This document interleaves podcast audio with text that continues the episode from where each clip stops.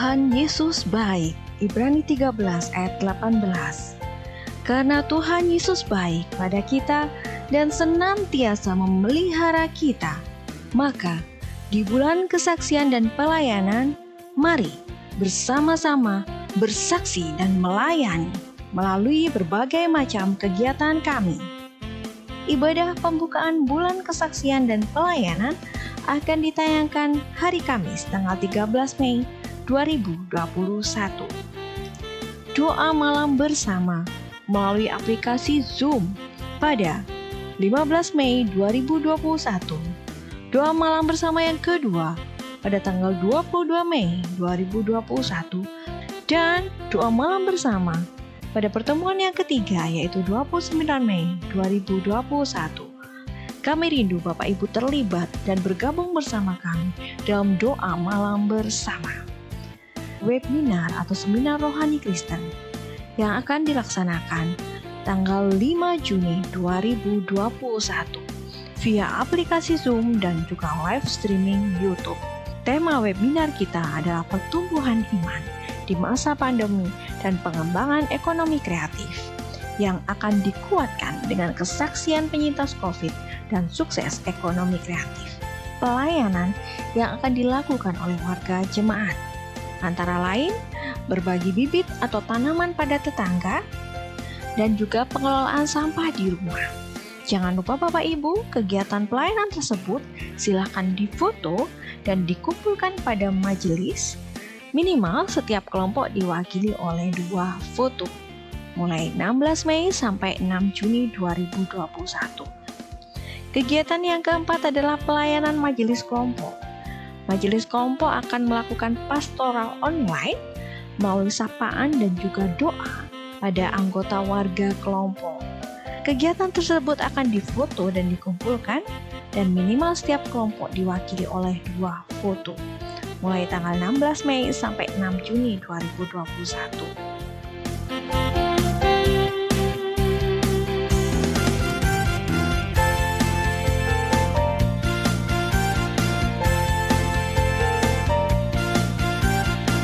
Semua rangkaian kegiatan bulan kesaksian dan pelayanan akan ditutup di dalam ibadah penutupan bulan kesaksian dan pelayanan yang akan ditayangkan pada tanggal 13 Juni 2021.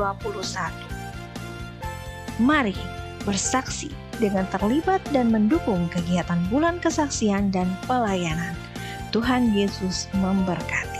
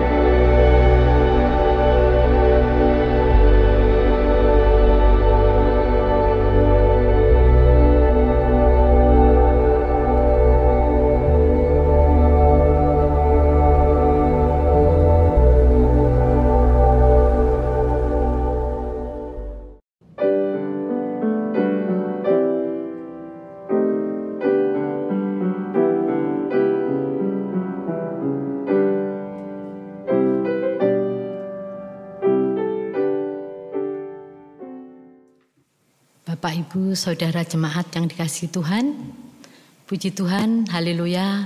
Kita dipertemukan kembali dalam ibadah minggu 23 Mei 2021 GKJW Jemaat Malang. Dengan penuh syukur kepada Tuhan, hari ini kita diizinkan membangun persekutuan untuk merayakan Hari Pentakosta yang tata ibadahnya sudah disiapkan oleh Majelis Agung GKJW. Pentakosta merupakan peringatan turunnya Roh Kudus, Roh Allah yang selalu menolong, menghibur, dan menyertai umatnya. Oleh Roh Kuduslah kita senantiasa dibimbing, diperbarui, dan diingatkan akan kebenaran dan kehendak Allah. Oleh karena itu, bersukacitalah setiap kita yang selalu setia dan menuruti kehendak Allah. Karena Tuhan lebih setia dalam memelihara hidup kita. Bapak Ibu jemaat dan anak-anak yang dikasih Tuhan, ibadah perayaan Hari Pentakosta saat ini dilayani oleh Bapak Pendeta Legal Hendriawan SAG. Marilah kita siapkan hati kita untuk beribadah dan menyembah Tuhan dengan memuji namanya dengan bernyanyi dari Kidung Jemaat 240A. Datanglah ya sumber rahmat. Kita pujikan baitnya yang pertama.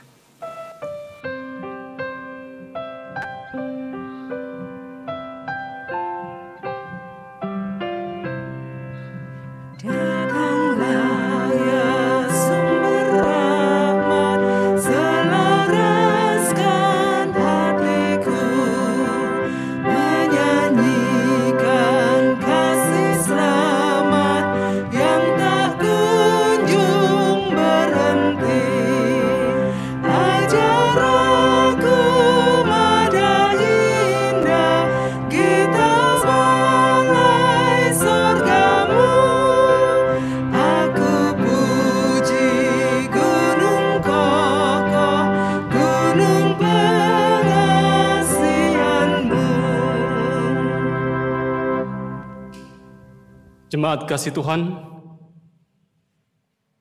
hari ini kita merayakan Pentakosta. Merayakan Roh Kudus yang turun atas kita. Mari kita bersama-sama memulai ibadat pada saat ini dengan kita menangkan pikiran kita, menyadari kehadiran Tuhan, dan mari bersama kita mengaku. Ia Allah pencipta dan pemelihara alam semesta. Allah yang adalah roh, Tuhan sang penyelamat, penolong dan penghibur kami. Hanya kepadamu saja kami beriman dan beribadah. Keselamatan dan kesejahteraan dari Allah Bapa dan Tuhan Yesus Kristus besertalah saudara-saudara. Amin. Jemaat yang dikasihi dan yang mengasihi Tuhan, tema ibadah kita pada saat ini kita terima dari Injil Yohanes pasal 14, ayat yang ke-12 bagian yang pertama. Yang dituliskan untuk kita, Aku berkata kepadamu, sesungguhnya barang siapa percaya kepadaku, ia akan melakukan juga pekerjaan-pekerjaan yang aku lakukan, bahkan pekerjaan-pekerjaan yang lebih besar daripada itu. Amin. Hitung jemaat 231 bait 1 dan bait yang kedua.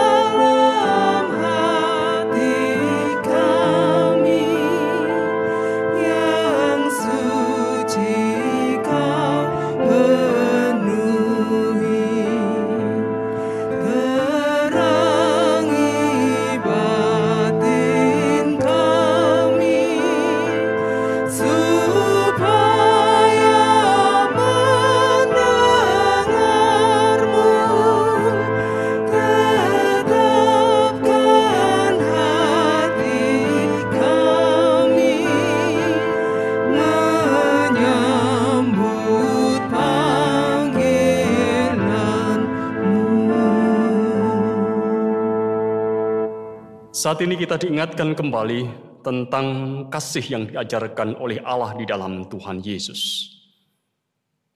Injil Matius pasal yang ke-22 ayat 37 sampai 40 mencatat untuk kita. Jawab Yesus kepadanya, Kasihilah Tuhan Allahmu dengan segenap hatimu dan dengan segenap jiwamu dan dengan segenap akal budimu. Itulah hukum yang terutama dan yang pertama. Dan hukum yang kedua yang sama dengan itu ialah kasihilah sesama manusia seperti dirimu sendiri. Pada kedua hukum inilah tergantung seluruh hukum Taurat dan kitab para nabi.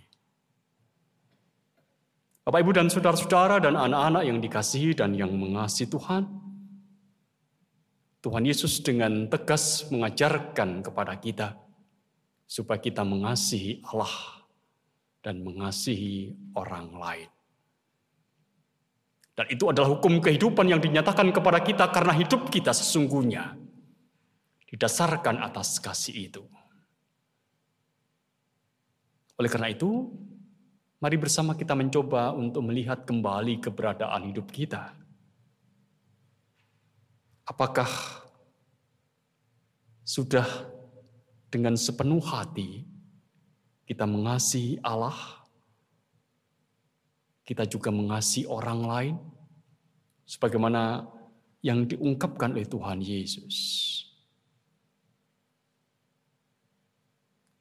Kita mengakui Bapak Ibu dan saudara-saudara, Sering kita belum bisa mewujud nyatakan apa yang dihukum kasih ini secara sempurna. Kita masih sering dibelenggu oleh kemanusiaan kita. Kita sering melakukan justru bukan apa yang dikendaki oleh Yesus, tetapi apa yang kita kendaki dan kita sering terjerembab ke dalam dosa. Oleh karena itu mari kita mengungkapkan pengakuan dosa kita di hadapan Tuhan dengan kita menyanyi dari hitung jemaat nomor 236 bait yang pertama dan bait yang kedua.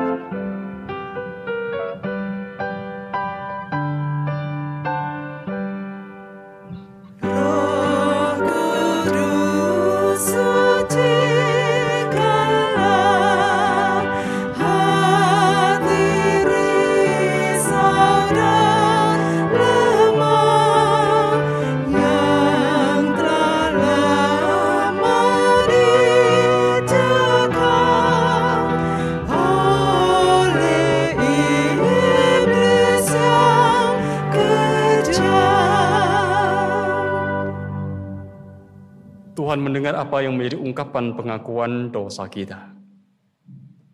Ia memberitakan kepada kita berita pengampunan menurut Roma pasal 8 ayat yang pertama dan yang kedua. Demikianlah sekarang tidak ada penghukuman bagi mereka yang ada di dalam Kristus Yesus. Roh yang memberi hidup telah merdekakan kamu dalam Kristus dari hukum dosa dan hukum maut. Demikian berita pengampunan untuk kita dan kita menyambut berita pengampunan ini dengan kita kembali angkat satu pujian dari NKP nomor 104 bait yang pertama.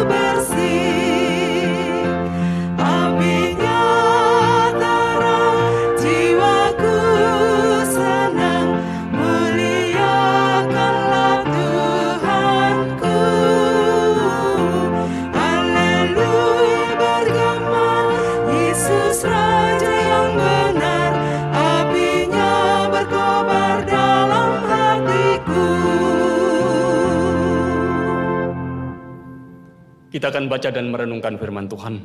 Mari kita mengawalinya di dalam doa.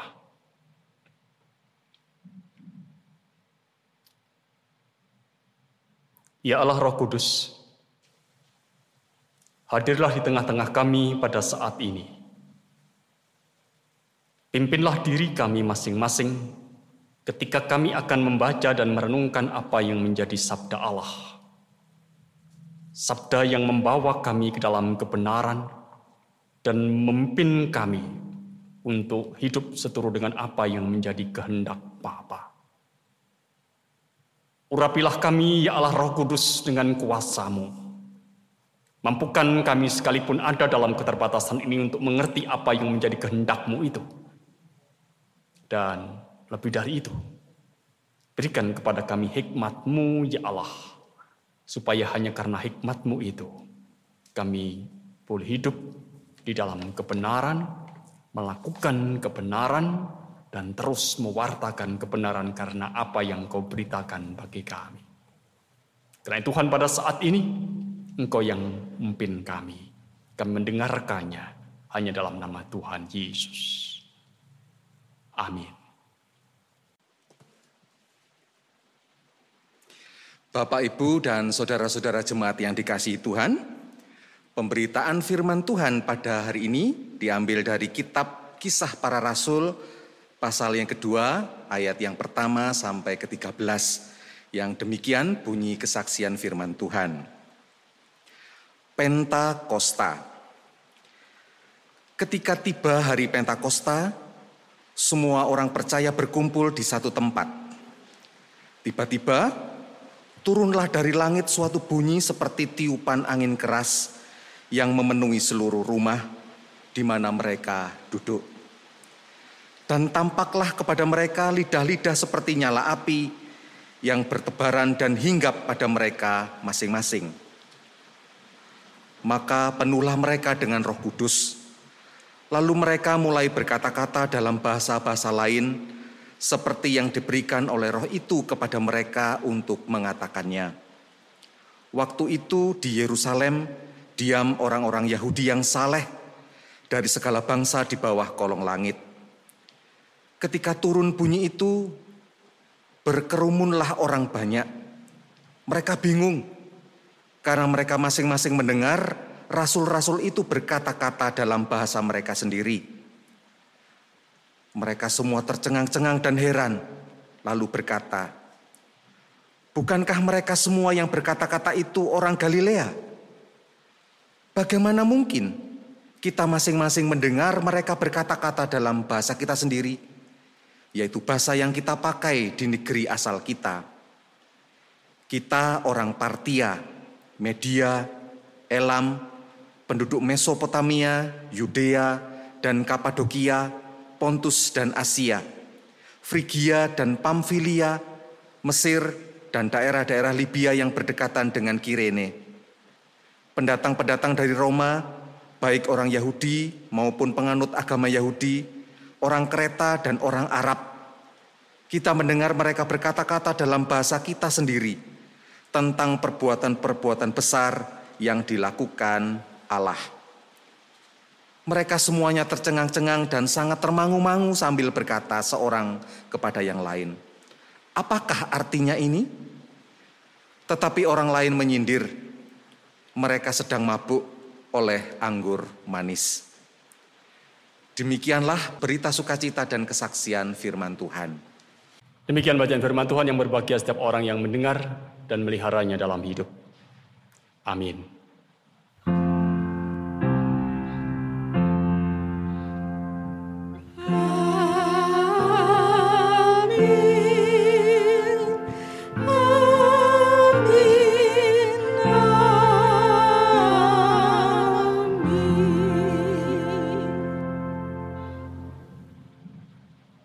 Jemaat yang dikasihi dan yang mengasihi Tuhan, kita akan perhatikan ayat 2 dan 3 dari kisah para rasul pasal yang kedua.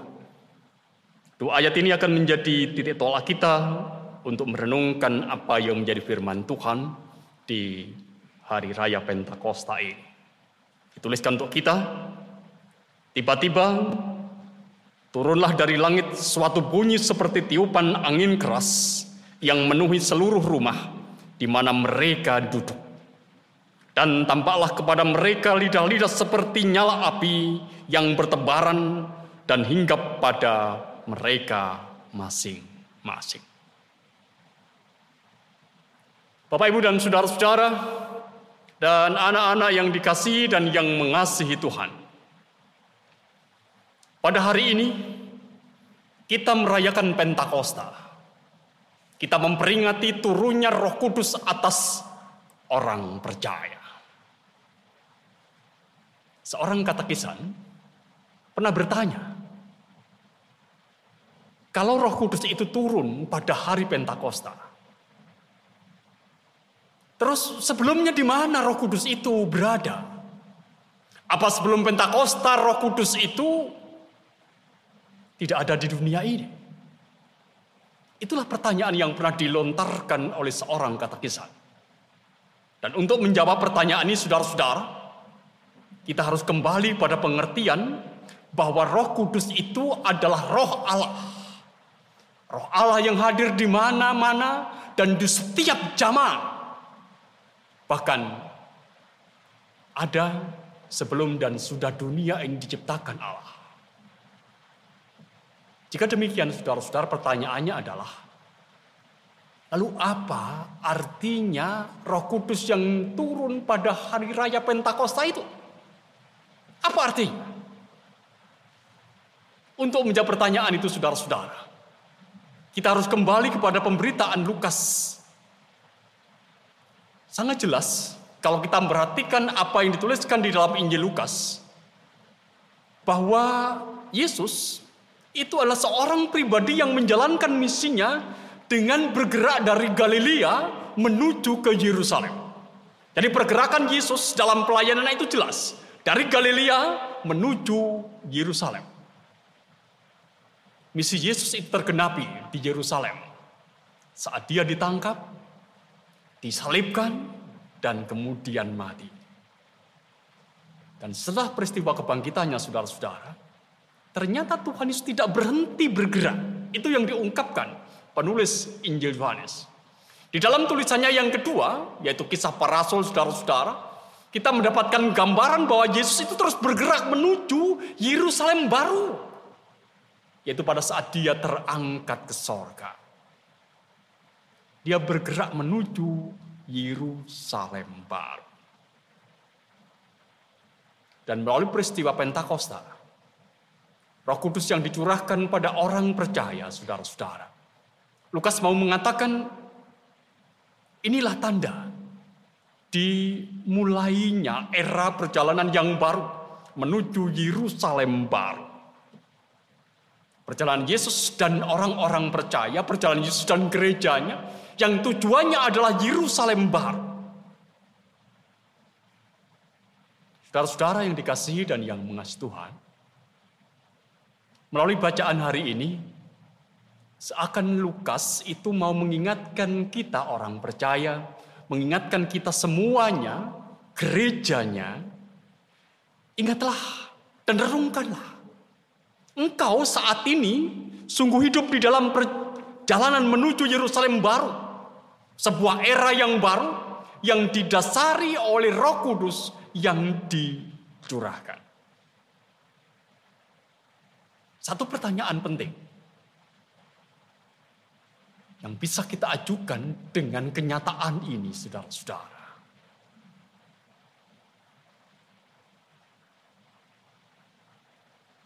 Hidup seperti apa? Ya, hidup seperti apa?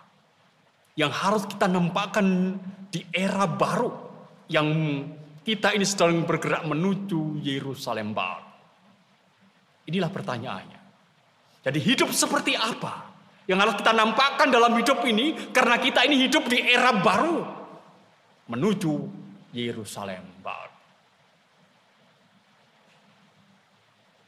Ada dua hal saudara-saudara yang bisa kita nampakkan dalam kehidupan kita. Didasarkan atas bacaan kita pada saat ini. Yang pertama saudara-saudara, hidup dalam nafas kasih karunia. Itu yang bisa kita nampakkan. Hiduplah dalam nafas kasih karunia. Mari kita perhatikan ayat yang kedua yang menjadi bacaan kita.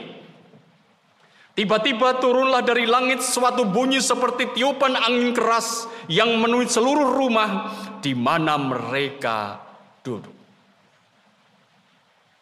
Saudara-saudara, Roh Kudus tercurah itu seperti bunyi tiupan angin keras. Dalam Alkitab, angin atau roh itu sering diartikan sebagai nafas kehidupan.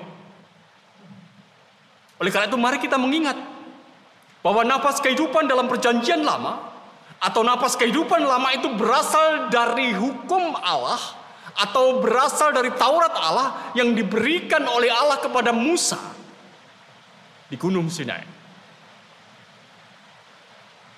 Inilah era perjanjian lama. Nafas hidupnya itu adalah hukum Taurat. Nafas kehidupan lama ini sudah berganti ketika roh kudus dicurahkan Allah atas hidup orang percaya.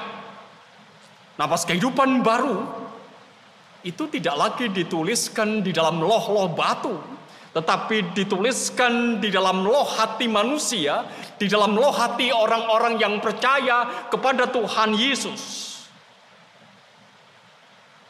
Nafas baru kehidupan itu saudara-saudara yang mau ditegaskan dengan apa yang dituliskan oleh Lukas seperti tiupan, seperti angin keras. Bapak, Ibu, dan saudara-saudara yang dikasihi dan yang mengasihi Tuhan, napas baru kehidupan inilah yang sering disebut dengan kasih karunia. Hidup di era baru ini adalah hidup yang disemangati oleh semangat kasih karunia. Kasih karunia itu sendiri datang karena penebusan Kristus. Karya penebusan itu sudah dibayar lunas di kayu salib oleh Tuhan kita Yesus Kristus. Perjalanan pelayanan Yesus itu sudah tuntas di Yerusalem. Sekarang saudara-saudara, Perjalanan kita adalah perjalanan menuju Yerusalem baru seperti apa yang dilakukan oleh Tuhan Yesus. Perjalanannya adalah perjalanan menuju Yerusalem baru. Napas hidupnya adalah napas hidup yang baru. Bukan lagi hukum Taurat. Tetapi Injil kabar baik. Napas hidupnya saudara-saudara. Bukan penghukuman. Tapi napas hidupnya adalah pengampunan. Pesannya adalah pesan yang membebaskan dan memerdekakan, bukan menambah beban. Kita memberi saudara-saudara karena kita sudah diberi. Kita mengampuni ya, karena kita sudah terlebih dahulu diampuni oleh Tuhan. Kita melayani itu bukan untuk mendapatkan hadiah dari Tuhan, bukan. Tapi karena kita bersyukur atas pelayanan Tuhan untuk kita semua. Dan ingatlah saudara-saudara, Inilah wajah kehidupan baru yang dinafasi oleh kasih karunia. Pertanyaan reflektif untuk kita sebagai gereja saudara-saudara. Bagaimana wajah gereja kita? Sesuaikah hidupnya dengan nafas kasih karunia ini? Ini pertanyaan yang perlu kita renungkan terus. Yang kedua saudara-saudara, Hidup seperti apa yang kita bisa nampakkan di era yang baru ketika Roh Kudus itu telah dicurahkan oleh Allah kepada kita. Mari kita menyadari supaya kita hidup dalam keyakinan bahwa kekuatan Roh Kudus itu diberikan kepada setiap orang yang percaya. Ayat yang ketiga dari kisah para rasul pasal yang kedua dituliskan untuk kita dan tampaklah kepada mereka lidah-lidah seperti nyala api yang bertebaran dan hinggap pada mereka masing-masing. Apa yang disampaikan kepada kita saudara-saudara? Roh Kudus yang dicurahkan itu datang seperti lidah-lidah seperti nyala api. Dan Alkitab itu sering berikan gambaran Api itu adalah lambang kekuatan. Itu berarti bahwa kekuatan baru bagi orang percaya itu diberikan oleh Allah. Dalam perjanjian lama saudara-saudara kita mendapatkan sebuah gambaran yang cukup jelas bahwa roh Allah itu diberikan untuk orang-orang tertentu yaitu mereka yang diurapi dalam jabatan-jabatan tertentu seperti hakim atau nabi atau imam atau raja. Mereka diberi kekuatan yang mendukung peran yang dipercayakan kepada mereka. Kekuatan mereka itu begitu istimewa dan itu membuat mereka menjadi berbeda dengan umat kebanyakan. Tapi sekarang saudara-saudara, di era yang baru ini, roh Allah dicurahkan kepada tiap-tiap individu murid Yesus tanpa kecuali. Kalau kita perhatikan kembali dalam ayat yang ketiga diungkapkan kepada kita, dan tampaklah kepada mereka lidah-lidah seperti nyala api yang bertebaran dan hinggap pada mereka masing-masing. Hingga pada mereka masing-masing. Tiap-tiap individu saudara-saudara menerima kekuatan roh kudus. Lalu apa dampaknya saudara-saudara dalam kisah para rasul diungkapkan kepada kita? Jumlah orang percaya kepada Yesus itu terus dan terus bertambah dengan sangat dahsyat. Kisah para rasul mencatat tadinya ada 120 orang percaya kemudian menjadi 3000 orang kemudian menjadi 5000 orang dan terus dan terus bertambah. Yang ini menunjukkan kepada kita kekuatan yang dahsyat dari kuasa Roh Kudus yang dicurahkan kepada orang-orang yang percaya pada saat itu. Fakta ini saudara-saudara mau berbicara kepada kita kalau tiap-tiap orang percaya itu menerima kekuatan Roh Kudus, maka semakin banyak jumlah orang percaya, makin menyebar orang percaya dan akan berlipat kali ganda pertumbuhan kehidupan orang yang percaya. Kalau kita mengingat apa yang menjadi tema ibadah kita, Bapak Ibu dan saudara-saudara, di dalam Injil Yohanes pasal 14 ayat yang ke-12, Tuhan Yesus pernah berkata begini, Aku berkata kepadamu, sesungguhnya barang siapa percaya kepadaku, ia akan melakukan juga pekerjaan-pekerjaan yang aku lakukan. Bahkan pekerjaan-pekerjaan yang lebih besar daripada itu. Sebab aku pergi kepada Bapa. Diungkapkan kepada kita. Kata lebih besar dari di sini saudara-saudara menunjuk pada kuantitas. Kalau Yesus dan 12 muridnya hanya menjangkau Palestina. Hanya menjangkau Palestina maka sekarang setelah peristiwa Pentakosta, Yesus dan gerejanya itu menjangkau sampai ke ujung bumi. Sampai ke ujung bumi. Dan secara kuantitatif saudara-saudara, ini tentu lebih besar dibandingkan dengan apa yang dituliskan dalam tema ibadah kita tadi. Oleh karena itu saudara-saudara, setiap orang harus terus belajar menyadari bahwa dalam dirinya itu ada kekuatan Allah Supaya setiap orang percaya dengan sungguh-sungguh pada akhirnya terus dan terus membawa pesan Injil sampai ke ujung bumi. Bapak Ibu dan saudara-saudara yang dikasih dan yang mengasihi Tuhan. Pentakosta telah terjadi. Hari ini kita merayakannya. Roh Kudus, Roh Allah itu sudah dicurahkan sebagai tanda dimulainya era baru, yaitu perjalanan iman dari gereja Tuhan. Perjalanan iman dari orang-orang Kristen, perjalanan iman bersama dengan Yesus untuk mewartakan Injil sampai ke ujung bumi. Bergerak terus sampai ke ujung bumi, bergerak terus menuju Yerusalem baru dengan membawa hidup dalam nafas kasih karunia dan keyakinan bahwa kekuatan Roh Kudus itu diberikan pada setiap kita orang yang percaya. Inilah saudara-saudara yang bisa kita hayati dalam Pentakosta pada saat ini. Selamat berjalan menuju Yerusalem baru. Selamat Pentakosta. Tuhan berkati kita. Amin.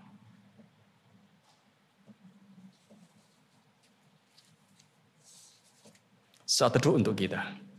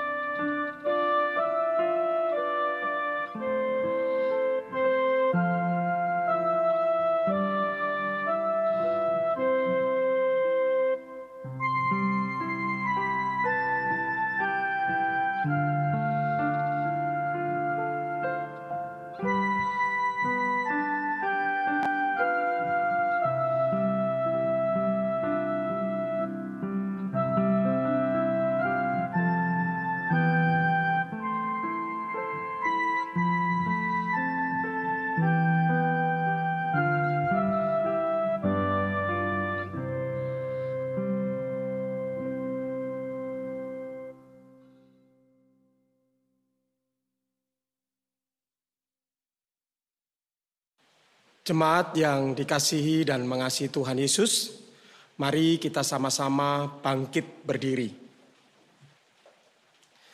Bersama dengan orang percaya di seluruh dunia, mari kita perbarui iman kita kepada Tuhan Allah.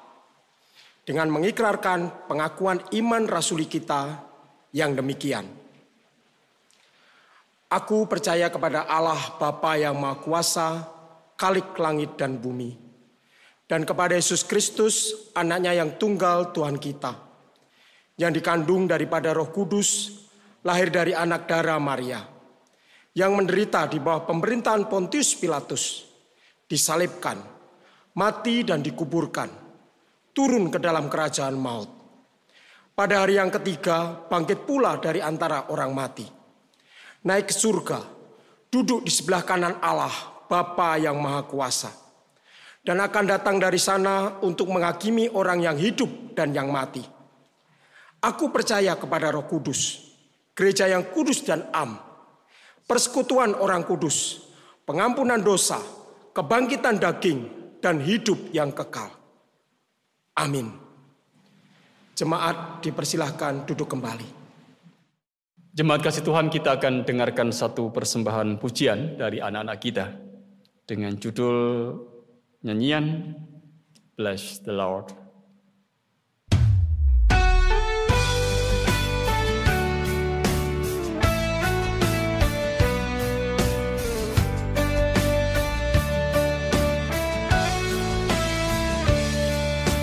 sun comes up, it's a new day, Johnny.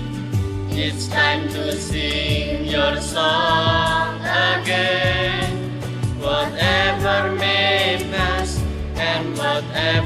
lies before me. Let me be singing when the evening comes. Bless the Lord,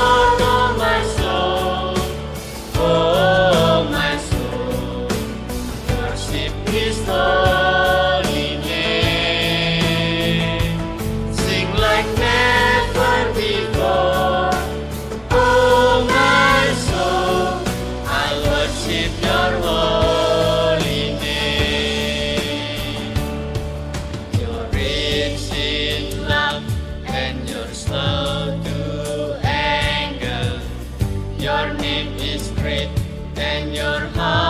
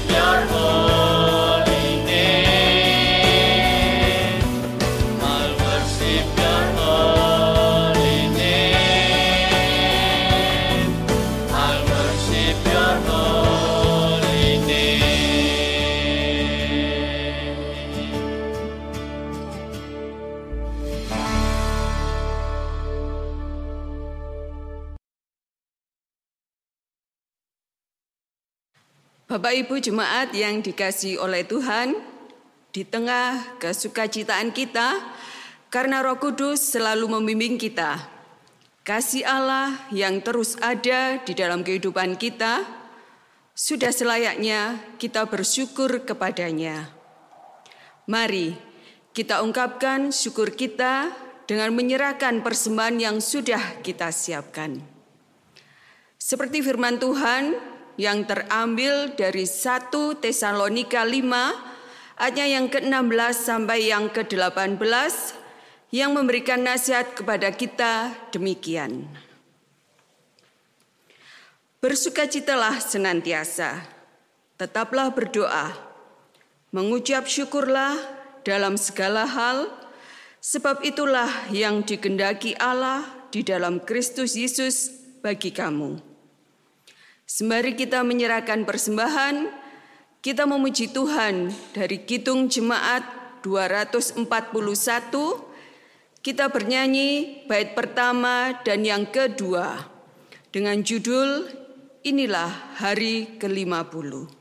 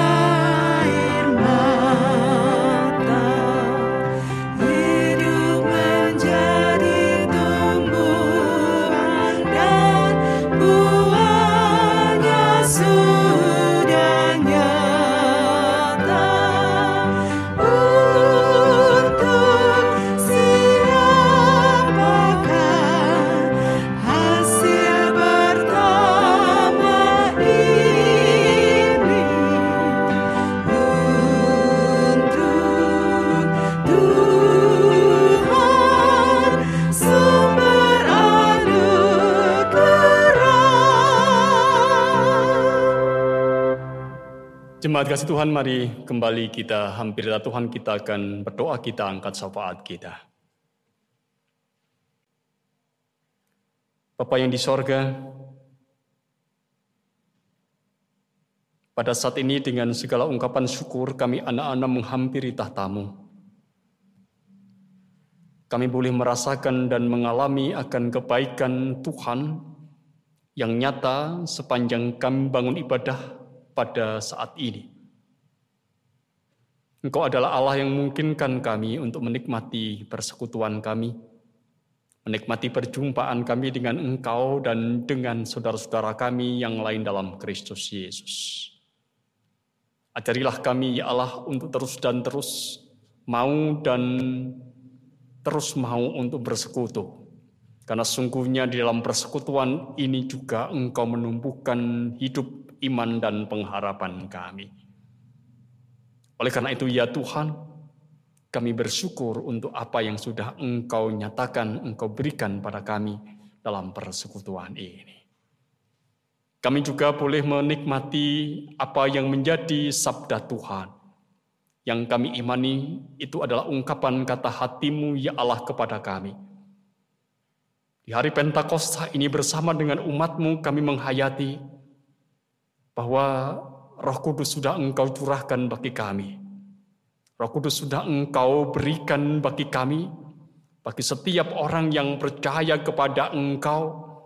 Roh Kudus telah hadir di tengah-tengah kehidupan seluruh orang yang percaya. Ajari kami untuk menyadari akan kekuatan yang sudah Engkau berikan pada diri kami, dan kami terus dan terus akan mampu dan terus belajar untuk hidup dalam kasih karunia yang kami imani sebagai nafas baru kehidupan. Karena hidup kami tidak dasarkan kembali pada apa yang menjadi ketetapan Taurat, tetapi hidup di dalam kasih karunia Tuhan, di dalam karya Tuhan Yesus. Terima kasih Tuhan untuk firman-Mu. Berikan kepada kami kekuatan untuk melakukannya. Lebih dari itu berikan kepada kami kemampuan untuk terus dan terus melangkah seturut dengan apa yang menjadi firman-Mu itu. Bapak perkenankan pada saat ini kami anak-anak mengangkat syafaat kami. Kami berdoa untuk persembahan yang sudah kami kumpulkan ya Tuhan. Apa yang kami berikan kembali kepada Engkau sungguhnya ini adalah perwujudan berkat Tuhan yang sudah Tuhan berikan bagi kami. Yang kami ungkapkan kepada Tuhan sebagai sebuah pernyataan bahwa kami hidup bergantung hanya kepada berkat Tuhan. Oleh karena itu ya Tuhan, berkatilah apa yang sudah kami berikan kepada Engkau. Tapi lebih dari itu berkatilah kami semua umatmu yang telah belajar untuk memberikan persembahan. Supaya hidup kami senantiasa boleh ada dalam cukup dan kami boleh mengakui berkat Tuhan itu senantiasa ada dan mencukupkan kehidupan kami. Sehingga dengan pengakuan bahwa berkatmu itu cukup, kami akan terus dan terus bersyukur kepada Engkau. Engkau yang akan berkati setiap pribadi yang turut terlibat mengolah persembahan ini. Mampukan dalam hikmat dan kuasa. Kami juga berdoa untuk kegiatan gereja Tuhan dan di lingkup pelayanan yang ada di gereja Tuhan, di majelis jemaat, majelis daerah ataupun juga majelis agung. Tuhan yang akan senantiasa menopang, Tuhan yang akan senantiasa menyertai. Berikanlah kepada seluruh pelayanmu hati yang bijak untuk melayani engkau. Berikanlah kepada seluruh pelayanmu, ya Tuhan, karunia roh kudus, supaya mereka hanya karena kasih karunia itu dimungkinkan untuk hidup dalam satu kesatuan sebagai gereja yang sudah engkau persekutukan di dalam Tuhan kami Yesus Kristus. Ajarilah kami ya Tuhan, untuk dengan segala hati satu dengan yang lain, saling menopang gereja Tuhan karena sesungguhnya gereja ini ada demi dunia. Supaya itu pun juga akan menjadi sana bagi kami untuk bersaksi bagi dunia. Melalui pelayanan yang Engkau berikan bagi kami di lingkup jemaat daerah ataupun juga di lingkup majelis agung. Terima kasih Tuhan untuk penyertaan-Mu. Dan kalau ada pergumulan terkait dengan kehidupan pelayanan yang ada di jemaat Tuhan, di gereja Tuhan kami juga menyerahkan kepada Tuhan supaya Tuhan menopang dan menolong sampai pada akhirnya kami gereja Tuhan ini boleh keluar dari pergumulan itu dan menjadi semakin dewasa dalam pemahaman kami akan penyertaan dan berkat Tuhan. Kami juga berdoa pada saat ini untuk pemerintah dalam upaya mencegah penyebaran virus corona yang telah menjadi pandemi supaya Tuhan sendiri yang akan memberikan hikmat kebijaksanaan para pemimpin negeri ini supaya mereka boleh mengambil setiap kebijakan yang sesuai dengan apa yang menjadi kehendak Tuhan dan menjadi sarana bagi tercurahnya berkat Tuhan dengan pencegahan virus corona ini. Kami menyadari ya Tuhan bahwa upaya ini adalah upaya manusia yang sesungguhnya semuanya bergantung pada kebaikan Tuhan yang akan Tuhan nyatakan bagi negeri ini, bagi pemerintah kami dan bagi kami semua yang terus dan terus berusaha untuk mencegah penyebaran virus corona ini. Oleh karena itu Tuhan berkatilah apa yang menjadi kebijakan apa yang dilakukan oleh pemerintah kami di Indonesia ini. Demikian juga berdoa untuk saudara kami yang terpapar virus corona, Biarkanlah Tuhan sendiri yang juga memberikan kekuatan, Tuhan yang memberikan kemampuan, Tuhan yang memberikan hikmat supaya setiap orang pada akhirnya Tuhan pulihkan hanya karena kuasa Tuhan. Mereka yang bekerja di ini paling depan, para tenaga medis yang turut terlibat menangani pasien COVID-19 ini Tuhan juga yang akan berikan kekuatan yang lebih supaya mereka memiliki roh kesabaran, memiliki roh kemampuan untuk boleh bertahan dalam situasi kehidupan yang sangat menjepit mereka. Kami percaya bahwa Tuhan yang akan berikan kemampuan kepada mereka semua. Kami berdoa secara khusus untuk kehidupan jemaat Tuhan di KJB Malang ini. Tuhan yang akan berkati kami. Tuhan yang akan pimpin kami dalam melayani Tuhan melalui kehidupan pelayanan yang ada di jemaat Tuhan ini. Berkatilah setiap keluarga yang menjadi jemaat Tuhan supaya setiap keluarga boleh merasakan dan mengalami berkat Tuhan dan boleh mengatakan berkat Tuhan cukup. Oleh karena itu berkatilah juga setiap pekerjaan yang dilakukan oleh setiap umatmu, supaya melalui setiap pekerjaan yang dilakukannya maka berkat Tuhan akan tercurah dan setiap orang boleh mengakui dan mengalami akan kebaikan Tuhan melalui pekerjaan itu. Anak-anak Tuhan yang berada di bangku pendidikan, anak-anak Tuhan yang mendambakan teman hidup, anak-anak Tuhan yang mendambakan pekerjaan, kami serahkan kepada Tuhan supaya mereka tetap ada dalam penyertaan dan pimpinan Tuhan, supaya anak-anak Tuhan ini pada akhirnya boleh meraih dan harapan mereka. Kami secara khusus ya Tuhan pada saat ini berdoa untuk saudara kami yang ada dalam sakit. Kami mengingat Bapak Ibu Matsari, Ibu Nani Daryati, Bapak Satono, Ibu Ambar Selamat Priyati, Bapak Suto Handoyo, Bapak Danin Seswanto, Ibu Rusmini Saiman, Saudari Sri Setiawati, Bapak Mariti, Ibu Resminingsih, Ibu Ida Suwati, Bapak Pitono, Ibu Sehtinampi, Ibu Sulastri, dan Bapak Nur Atim. Tuhan sendiri yang akan menjangkau saudara kami ini dalam proses perawatan yang dilakukan apakah itu di rumah ataupun juga di rumah sakit. Karena sungguhnya kami hanya berharap kepada Tuhan, berharap pada uluran tangan Tuhan yang memungkinkan pada saudara kami untuk tidak kehilangan harap atas hidupnya sekalipun mereka ada dalam keterbatasan karena sakit ini.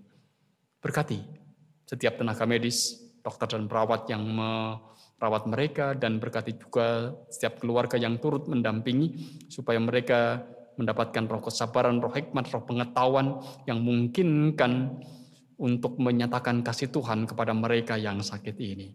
Saudara kami yang berusia lanjut kami menyerahkan kepada Tuhan supaya mereka semua sekalipun ada dalam keterbatasan, mereka tetap akan boleh memiliki pengharapan atas hidup dan tetap boleh belajar untuk memuji dan mengagungkan Tuhan. Apa di sorga, kami berdoa untuk pewartaan Injil yang dilakukan oleh setiap umatmu. Mampukan setiap orang untuk mewartakan kabar kesukacitaan melalui apa yang dikatakan dan apa yang dilakukannya. Dan sesungguhnya itu tugas yang melekat pada diri kami sebagai anak-anak Tuhan. Di bulan kesaksian dan pelayanan ini, secara khusus di KJW Jawa Malang ini, engkau juga yang akan menopang kami supaya kami boleh mewujudkan tiap apa yang direncana dari kegiatan di bulan kesaksian dan pelayanan ini supaya sungguh-sungguh kami boleh memaknainya dengan baik dan menjadi sarana bagi kami untuk semakin boleh mewartakan kabar kesukacitaan bagi dunia. Bapak di sorga, kami boleh bersyukur kepada Engkau karena Engkau Allah kami. Sungguh-sungguh boleh memberitakan kepada kami dan menyampaikan kepada kami akan karya Roh Kudus yang akan terus ada menyertai hidup kami. Sehingga kami terus akan berjalan menuju Yerusalem baru bersama dengan Tuhan kami Yesus Kristus. Terima kasih Tuhan untuk apa yang boleh kami sampaikan dan kami mohon kepada Engkau, Engkau sendiri yang akan menyempurnakannya, sebagaimana Tuhan Yesus yang telah mengajarkan kepada kami berdoa. Bapa kami yang di sorga, dikuduskanlah namamu, datanglah kerajaan, Jadilah kehendakmu di bumi seperti di sorga. Berikanlah kami pada hari ini makanan kami yang secukupnya, dan ampunilah kami akan kesalahan kami, seperti kami juga telah mengampuni orang yang bersalah kepada kami. Dan janganlah membawa kami ke dalam pencobaan, tapi lepaskanlah kami daripada yang jahat, karena engkaulah yang mempunyai kerajaan dan kuasa dan kemuliaan sampai selama-lamanya. Amin. Jemaat yang dikasihi dan yang mengasihi Tuhan, sekarang undurlah dari pertemuan ibadah hari ini. Percayalah bahwa Roh Kudus senantiasa menyertai dan menolong di dalam kehidupan kita. Jalanilah hidup dengan senang dan sukacita, dan jadilah saksi-saksi Kristus yang membawa damai sejahtera dan berkat bagi sesama. Hitung jemaat 237 bait yang pertama dan tiga.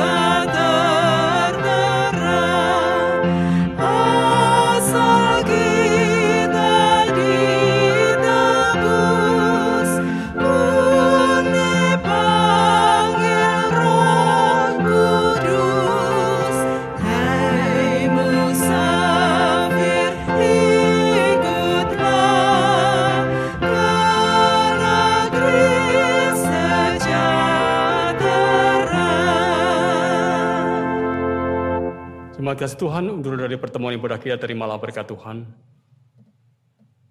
Allah Bapa Sang Pencipta memberkati dan melindungi saudara-saudara. Tuhan Yesus Kristus Sang Juru Selamat menyertai dan menuntun langkah hidup saudara-saudara. Roh Kudus Sang Penerang memberikan keselamatan dan damai sejahtera kepada saudara-saudara, kini sampai kekal selamanya. Amin.